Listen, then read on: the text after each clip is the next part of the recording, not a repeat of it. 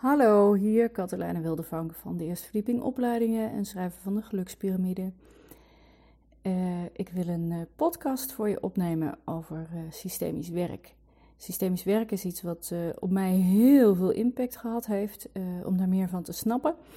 En ik weet dat dat bij heel veel mensen zo is. En tegelijkertijd vind ik het soms zo'n abstract onderwerp dat ik denk: hoe ga ik daar nou over vertellen? Waarom het zo gaaf is, waarom het je zo helpt. Nee, ik ga een poging wagen. Um, wat ik niet ga doen is gewoon even alle theorie van systemisch werk oplepelen, want er zit volgens mij geen hond op te wachten, want dan kun je gewoon zo in één uh, oogopslag even ergens googlen. Maar ik ga proberen je een beeld te geven hoe systemisch werk uh, in mijn leven en uh, in het leven van heel veel mensen doorwerkt. Het is niet zozeer van, uh, oh ik ga systemisch werk doen, dus dan, uh, dan verandert er meteen van alles. Maar systemisch werk is eigenlijk gewoon een uitleg van hoe we met elkaar omgaan. Uh, binnen een gezin, binnen je werk, met sportvrienden, met, maar ook hoe je omgaat met, met ziekte, met geld, met ehm, uh, jezelf dingen gunnen, met uh, ideeën over relaties, over hoe het hoort te zijn. Dus het gaat eigenlijk over alles. En dat is meteen natuurlijk wel heel veel. Nou, om eens in het klein te beginnen. Onze dochter, die is uh, eh, 12 en die gaat volgend jaar naar de middelbare school. En um, ze mochten um, aangeven bij welke vriendinnetjes ze in de klas wilden. Nou, guess what?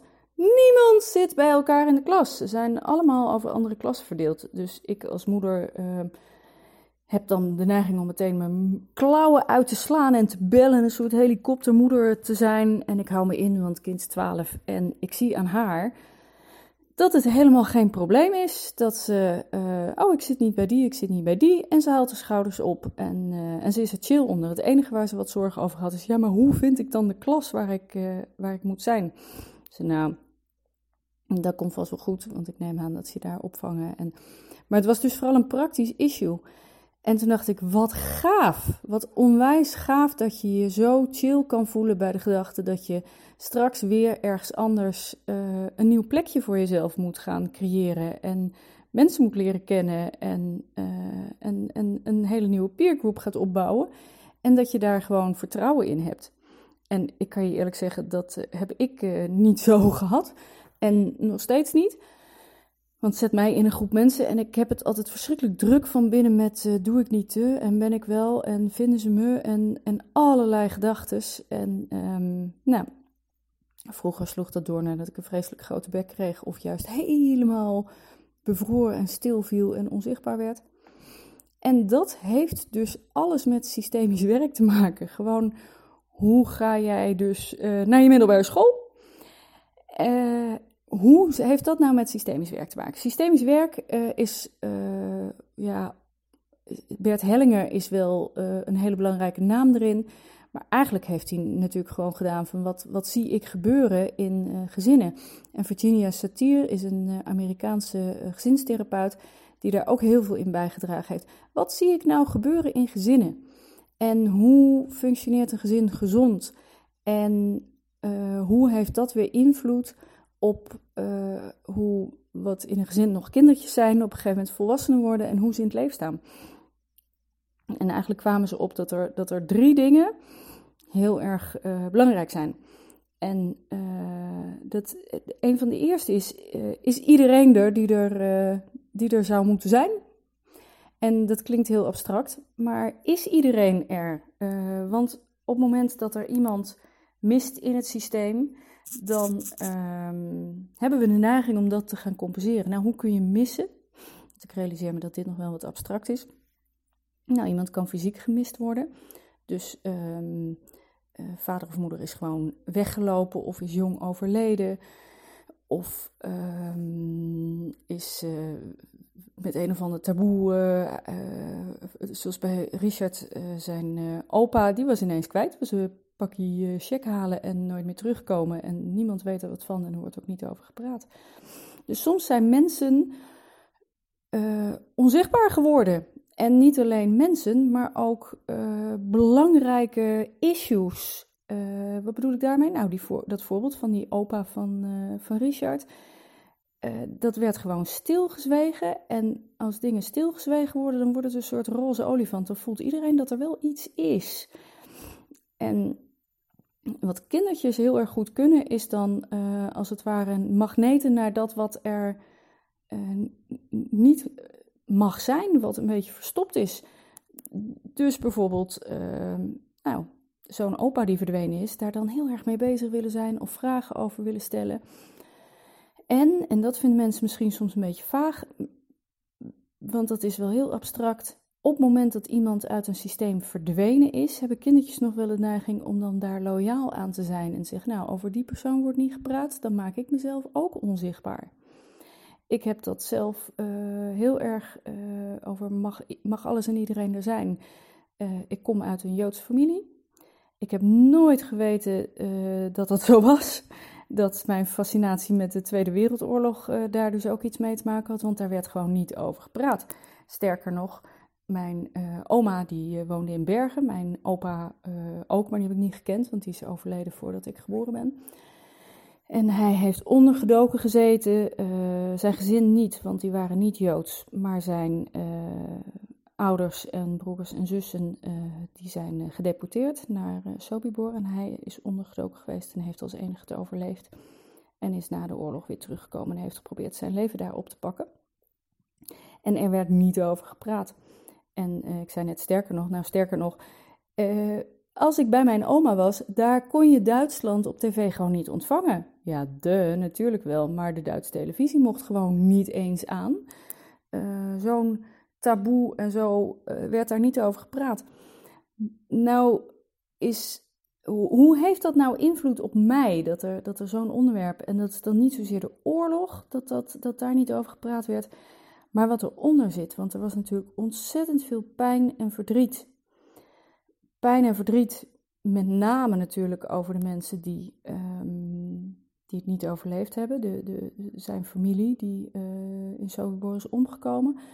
Onmacht, razernij, daarover, maar ook over uh, Duitsers die uh, zijn huis geconfiskeerd hadden, alle kunst geconfiskeerd, zijn bankrekening geplunderd. Hoe machteloos en oneerlijk behandeld kun je je voelen? En daar werd niet over gepraat.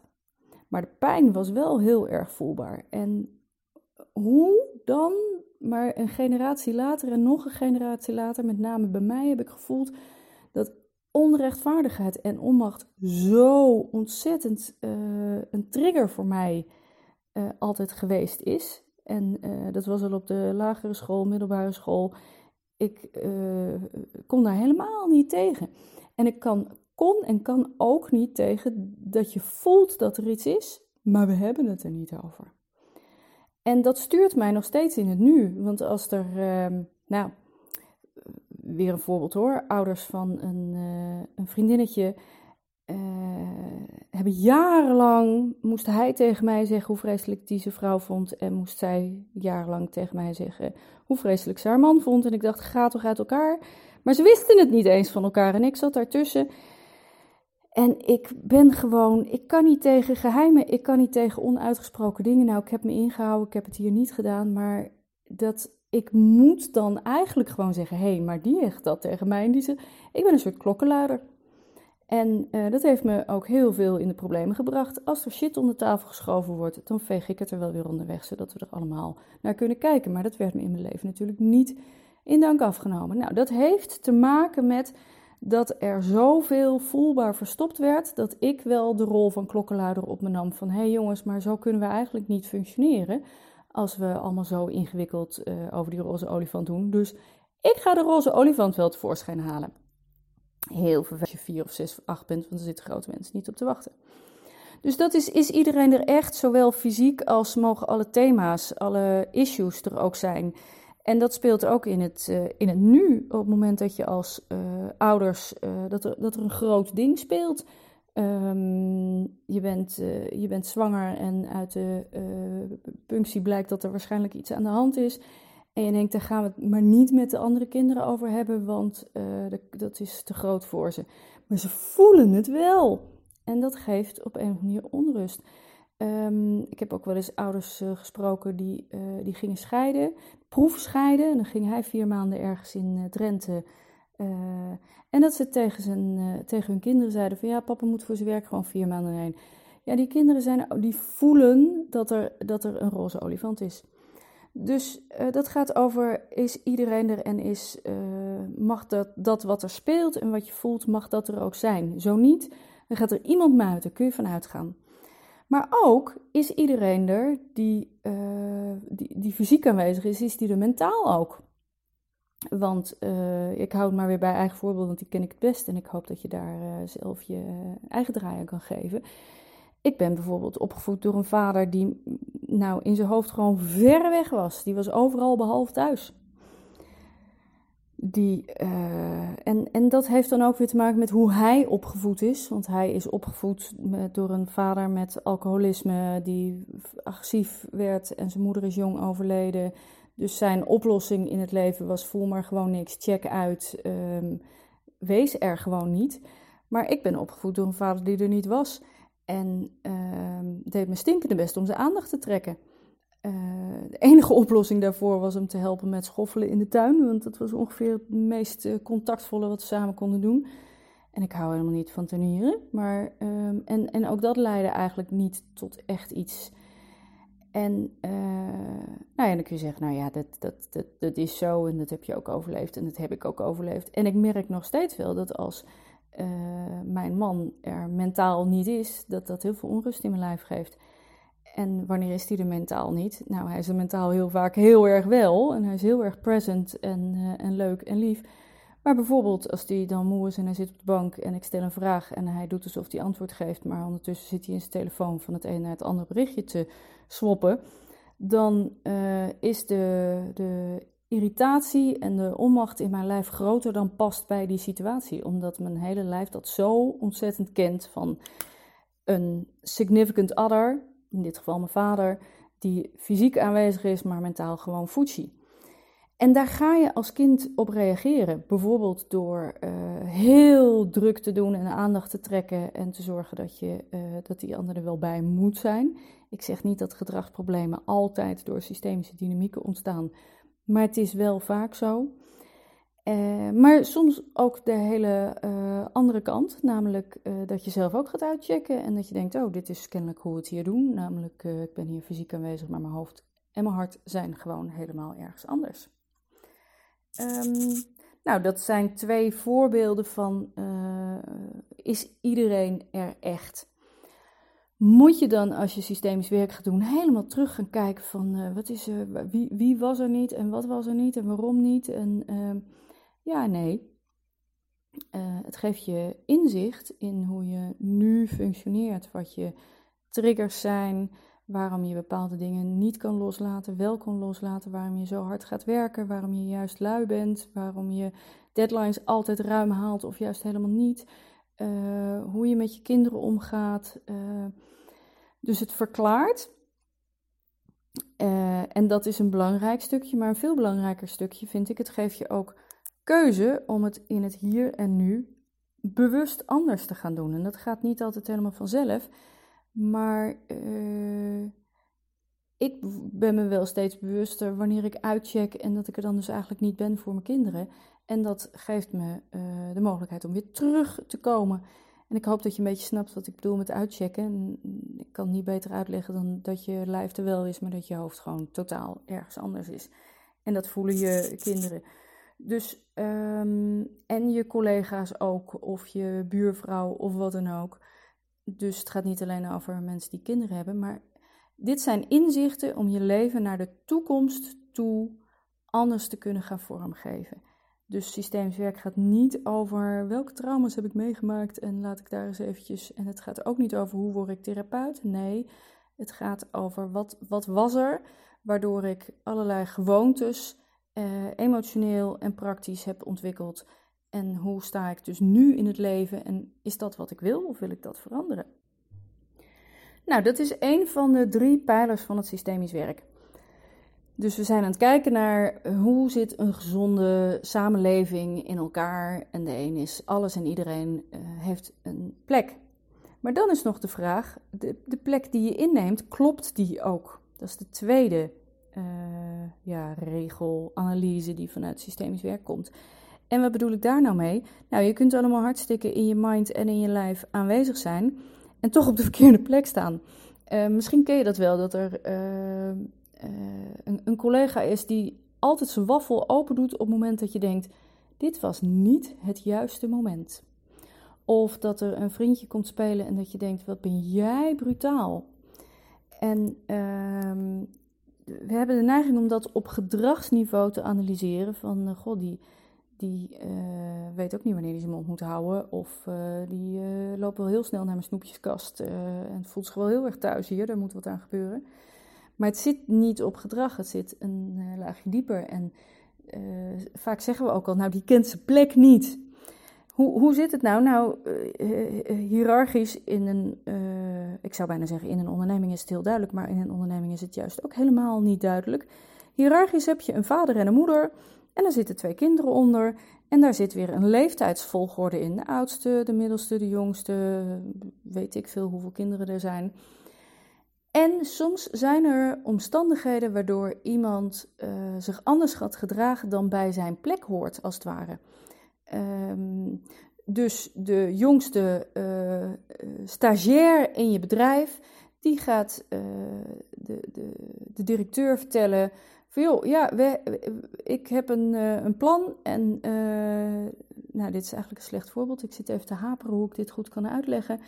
Um, nou, ik heb wel eens een bespreking met iemand en ik ben leidinggevende.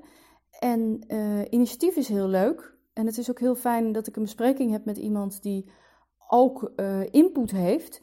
Maar soms word ik dan overroeld door bijvoorbeeld een stagiair die niet eens luistert naar uh, wat mijn ideeën zijn, maar meteen begint te zenden en begint te stormen en het allemaal al bedacht heeft voordat ik überhaupt met mijn ogen heb kunnen knipperen. Dan ga je eigenlijk uh, te snel. Um, ik heb het zelf in mijn eigen leven uh, heel erg gehad, omdat ik een oudere zus heb die een handicap heeft waardoor ze uh, in heel veel dingen eigenlijk altijd jonger was dan ik. Ze kon niet zo snel lezen als ik, ze kon cognitief allerlei dingen niet die ik wel kon. Dus de eerste jaren van mijn leven moest ik haar ook uh, in bepaalde opzichten op sleeptouw nemen, vertolken naar anderen.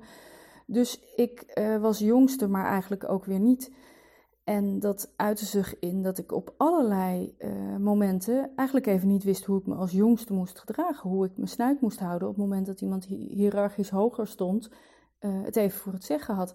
Dus autoriteit uh, vind ik niet zo heel makkelijk.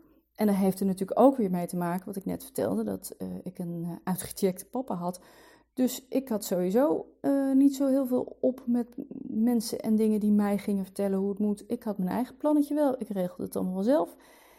En dat heeft dus ook te maken met, um, is het, ben jij in een natuurlijke hiërarchische situatie opgegroeid?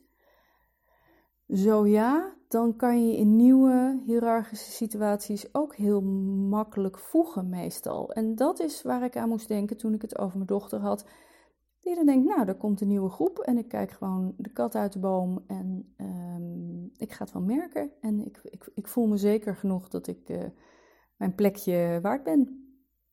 Een ander voorbeeld nog, ik heb uh, iemand en uh, die kan heel erg over mijn grenzen gaan. En waar heeft dat mee te maken? Dat zodra ik uh, gezellig doe tegen die persoon, dan wil die altijd meer. Dus als je dan een appje stuurt en een appje terug en nog een appje terug en nog een appje terug, dan krijg je daarna nog 25 appjes, terwijl je zelf eigenlijk er al wel klaar mee bent. Of ik nodig iemand, die persoon uit om een drankje te komen drinken en die heeft al geroepen: Ja, dan kan ik ook blijven eten, hè? Dat je denkt: uh, dit, dit gaat me te snel, dit had ik niet aangeboden, je komt te veel in mijn space. Dit is een persoon die niet voelt dat hij in mijn space komt en dat hij dus eigenlijk van zijn plek afgaat, dat hij iets bij mij afdwingt wat, helemaal niet, uh, wat ik helemaal niet wil. En het is wel grappig, want waarom valt me dit zo op? Omdat ik dat zelf in mijn leven ook zo vaak uh, heb herkend. Dat ik het, de, de, de sociale dans van uh, aftasten van hoeveel wil jij samen doen, hoeveel wil ik, vind je het ook echt leuk? Want mensen uh, vertellen vaak van alles in woorden, maar ondertussen voelen ze er vaak iets heel anders bij. En je kan moeilijk tegen iemand zeggen: joh, je zegt wel dat je leuk volgende week met mij uit eten wil, maar het voelt alsof dat helemaal niet congruent is. Nee, dat doen we niet. Terwijl je het misschien wel terecht en goed gevoeld hebt. Dat zijn weer die spiegelneuronen, andere podcast. Maar je, je voelt wat andere mensen voelen. Dus langzaam maar zeker leer je in het leven van hoe kan ik dan subtiel uh, af gaan tasten of het een echte congruente ja is. En dat is een soort spel waarin uh, vriendschappen en relaties langzaam maar zeker een vorm krijgen waar iedereen uh, zich goed bij voelt. Nou, als jij niet zeker genoeg bent van ik, ik doe er toe, ik mag er zijn en dit is mijn logische natuurlijke plek in dit systeem, dan lijkt het wel alsof je dat spel niet helemaal uh, voelt en vat en dus net op de verkeerde momenten je te groot maakt of te klein maakt. Dat je uh, te snel bent met dingen of dat je te bij de hand gevonden wordt of dat je jezelf veel te veel onzichtbaar maakt. En dat heeft daarmee te maken van uh, ben jij opgegroeid en zijn jouw ouders weer opgegroeid in een systeem waar het gewoon ja, logisch is van wat, wat de volgorde en wat de plek is. En dat heeft natuurlijk weer alles te maken met hoe jij in de toekomst in de nieuwe baan gaat functioneren. Of waarom jij het zo lekker vindt in het sportteam waar je in zit, omdat het je daar allemaal gelijk voelt. Of waarom je in de toekomst beter kan leren om te gaan met autoriteit. Of uh, waarom je zo vreselijk hard werkt, uh, omdat je ergens diep down van binnen het gevoel hebt uh, dat je groter en sterker moet zijn dan je eigenlijk bent. Allemaal systemisch. Echt allemaal systemisch. Ha, oh, ik wou dat ik iedereen aan zijn lurven naar een opleiding systemisch werk zou kunnen trekken. Omdat ik ervan overtuigd ben dat het je niet alleen ontzettend veel inzicht geeft, maar dat je ook in je lijf echt gaat voelen hoe je het anders wil gaan doen. Bepaalde patronen die nu nog zo vanzelfsprekend voor je zijn. En waarom zeg ik zo nadrukkelijk in je lijf? Als, het, als iets in je hoofd zit, heb je kans dat er iets verandert. Als het in al je cellen zit, weet je zeker dat het nieuw gedrag gaat opleveren. Nou, dan heb je nog een laatste en dat, heet, eh, dat noemen ze balans tussen geven en nemen. En uh, ja, dat zegt eigenlijk alles al en tegelijkertijd is het natuurlijk weer heel abstract. Met balans tussen geven en nemen um, heb je het met name over uh, tussen mensen die gelijkwaardig zijn. Want in een hiërarchische situatie, uh, in, een, in een familiesysteem, ouders geven aan hun kinderen en niet andersom. En dat, dat is ook, dat is, dat is de natuurlijke way of doing. En daarom is het voor heel veel mensen ook best wel een klus om mantelzorg te verlenen. Of om uh, de, de bankrekening van je ouders te gaan beheren. Want dan lijken de rollen langzaam maar zeker omgedraaid te worden. Want zorg geven gaat ook over geven. En uh, ja, dat is vaak is er zo'n kantelpunt in je, in je leven. Dat, uh, dat je heel veel gekregen hebt van je ouders. Of niet, maar dat even terzijde. En dat je vervolgens voor hun moet gaan zorgen. En dat is, dat is een spannende dynamiek. Maar balans tussen geven en nemen zie je vaak in, uh, in gelijkwaardige relaties. Dat sommige mensen, uh, misschien ken je dat wel, er zijn mensen die altijd de rekening voor iedereen betalen, het liefst. Die als eerste een rondje geven, die um, liever geven en zelf in de, in de, in de penarie komen, dan dat ze uh, ook maar iets te weinig hebben gegeven. Je hebt ook uh, mensen die, uh, die altijd achteraan in de rij staan als er iets te geven valt, een rondje te vieren of, of wat dan ook. En dat staat symbool, want het gaat natuurlijk niet over materie ingeven en nemen. Maar dat staat wel symbool voor hoe jij in het leven staat. En als je je bijvoorbeeld van nature heel erg snel schuldig voelt, dan ehm, ja, heb je de schuldig voelen is een rotgevoel. Dat voelt niet lekker. Dus we doen er alles aan om je, om je niet schuldig te voelen. Uh, bijvoorbeeld door heel hard te gaan werken en heel veel te geven aan anderen. Nou zit daar iets interessants onder, want um, voor, voor geven heb je ook een, uh, een krijger nodig, een nemer, iemand die het aanneemt. En wat gebeurt er nou als de ene persoon heel hard werkt, heel zorgzaam is, heel veel, altijd de rekeningen als eerste voor de ander betaalt, zegt nee joh, dit rondje is ook wel weer voor mij, uh, heel veel zorg jouw kant op doet, dan ga jij je als ontvanger, als aannemer, op een gegeven moment uh, ook weer wat schuldig voelen. Dus dat voelt niet lekker. Dus uh, dan ga je proberen om terug te geven. Maar ja, die anderen die willen alleen maar geven, dus die duwt dat weg. We hebben ooit buren gehad die heel hartelijk en, en waren altijd welkom. En, maar als we zeiden van joh, kom eens bij ons, dan namen ze hun eigen drankje en chipjes mee. Zo'n basisnoodzaak was het om meer voor een ander te zorgen en meer te geven en niet makkelijk te kunnen aannemen. Uh, voor beide kanten niet tof, want de enorme gever, dat is vaak gestuurd vanuit schuldgevoel, vanuit het gevoel niet goed genoeg te zijn, dat het altijd meer en beter en hoger en sneller en verder moet. Dus dat is echt belachelijk hard werken om steeds maar de grote gever te zijn. Eh, weer, het gaat niet over geld en materie, het gaat over energie en aandacht en zorg en alles wat je aan anderen kan geven. Dus, en het is nooit klaar, hè? Dus dan lig je s'avonds in je bed nog weer wat je allemaal nog beter had kunnen doen en nog meer had kunnen geven. En aan de andere kant zit, want ik, in een uh, opleiding zo vraag ik dan nog wel eens wie vindt zichzelf vooral een gever. En dan gaan er een heleboel handen omhoog. En dan sociaal bezien vinden we geven iets heel positiefs. En nemen is uh, hebberig. Maar als je dan kijkt naar, stel ik heb 30 mensen in een zaal en 25 zijn gevers. Dan hebben we dus maar vijf mensen die die gevers gelukkig kunnen maken door het allemaal aan te nemen. Ja, ja. Dus dwing je als gever die vijf mensen als het ware in de schuld. Want je gaat ze zo ontzettend overdonderen met al je zorg en aandacht en veel en veel en nog meer en nog harder werken en nog perfecter. Dat zij eigenlijk alleen maar in de schuld komen te staan. Mensen die in de schuld staan, die gaan dan weer heel veel jouw kant opgeven of ze lopen weg. Nou, ik zie bijvoorbeeld in werkdynamiek ook wel dat. Uh, ik zit even te zoeken hoe ik dat, uh, dat goed kan vertellen. Nou, een, een tijd geleden, hier, voordat we dit deden, hadden we een ander bedrijf. En daar werkte iemand en die uh, werkte zich echt tien slagen in de ronde. Veel meer en veel harder dan wij vroegen. En helaas ook op een manier waar we eigenlijk niet zo op zaten te wachten. Dus het was hard werken, maar het was niet. Uh, het leverde niet de output op die wij wilden. Het was, we kregen van alles waar we niet om gevraagd hadden. En waar we wel om gevraagd hadden, dat kregen we niet. Dus uiteindelijk was dat niet een werkbare situatie.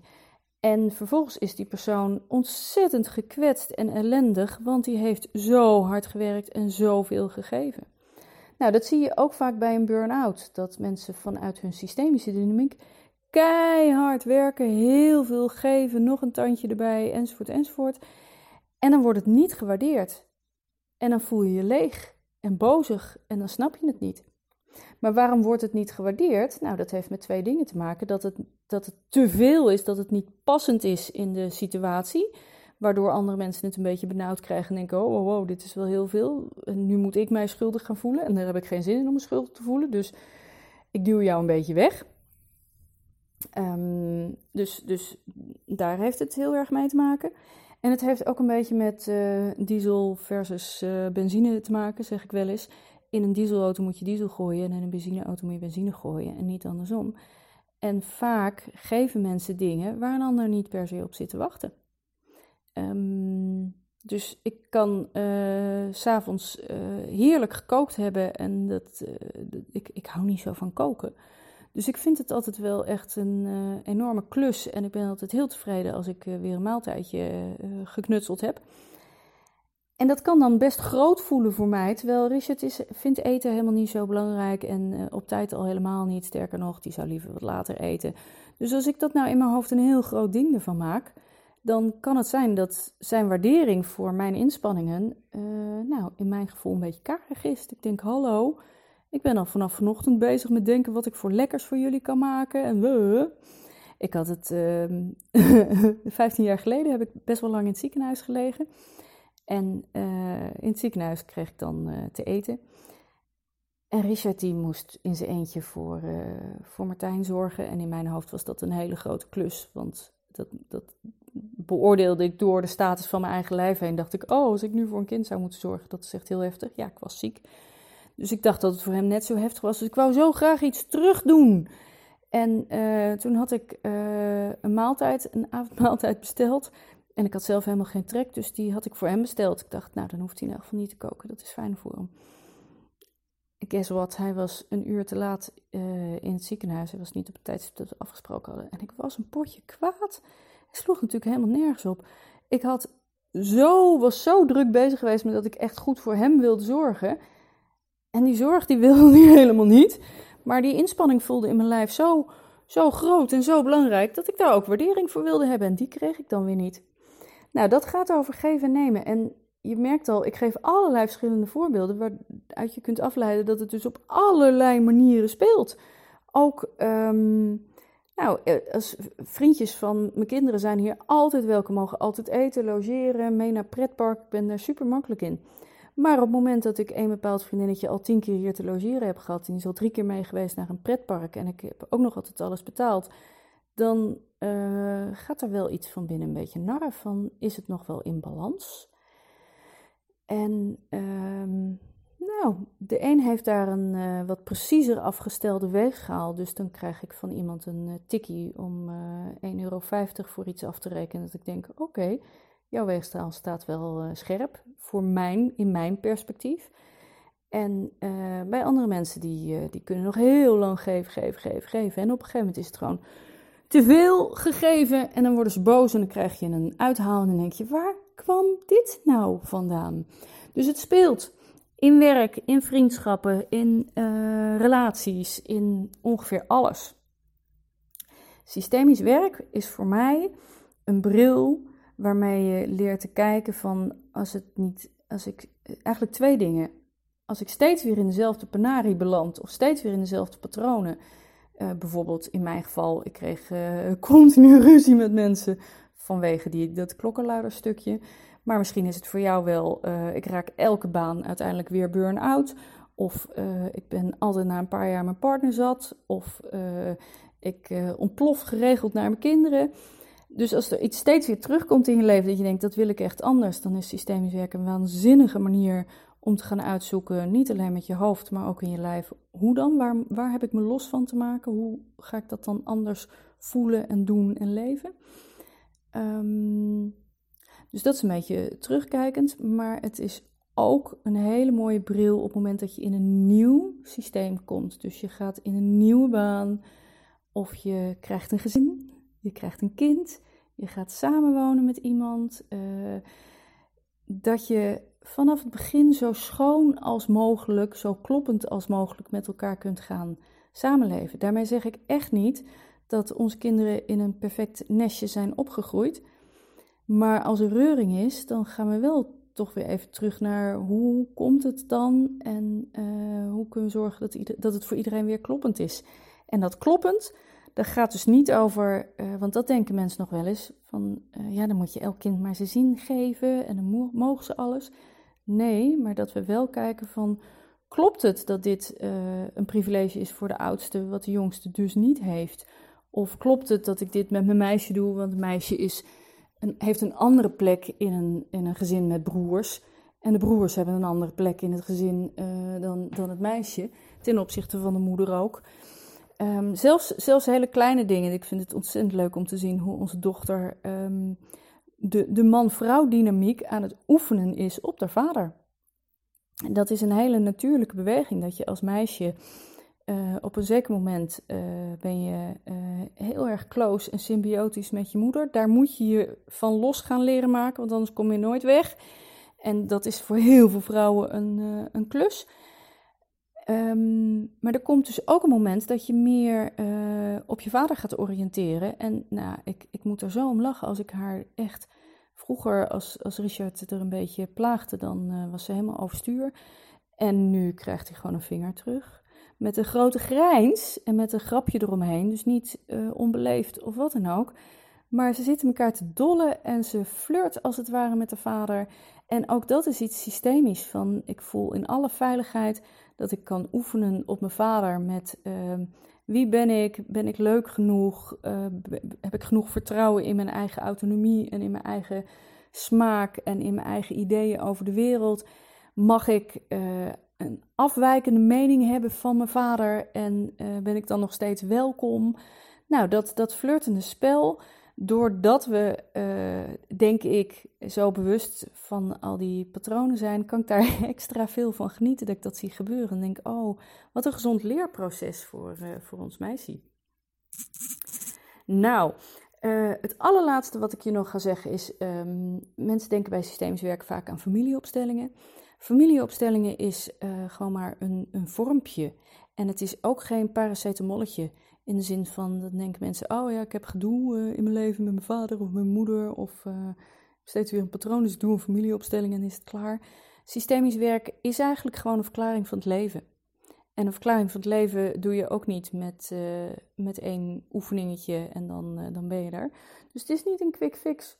Het is echt een bril van kijken. En ja, ik, ik vind hem heel leuk, omdat het dingen worden er echt rustiger van. Dat merk ik vooral bij mezelf. Dat als dingen systemisch kloppen, dan uh, hoef ik geen klokkenluider te zijn. Dan hoef ik geen roze olifanten tevoorschijn te toveren. Dan uh, kan ik uh, ademhalen en me rustig voelen. En ik denk dat dat voor eigenlijk iedereen geldt. in mijn geval is het klokkenluider roze olifant thema. Misschien is het voor jou altijd maar schuldig voelen en heel hard moeten werken. Of misschien is het voor jou um, Eigenlijk maak ik me het liefst een beetje onzichtbaar, ehm, want uh, ik vind het veel te spannend om uh, mijn mening te geven. Op het moment dat alles klopt en je dat ene specifieke thema niet zo uh, steeds in de onderstroom hebt, dan wordt het gewoon echt rustiger. Nou, dat was hem voor vandaag. Ik hoop dat je hem leuk vond en tot een volgende keer. Groeten, Katelijne.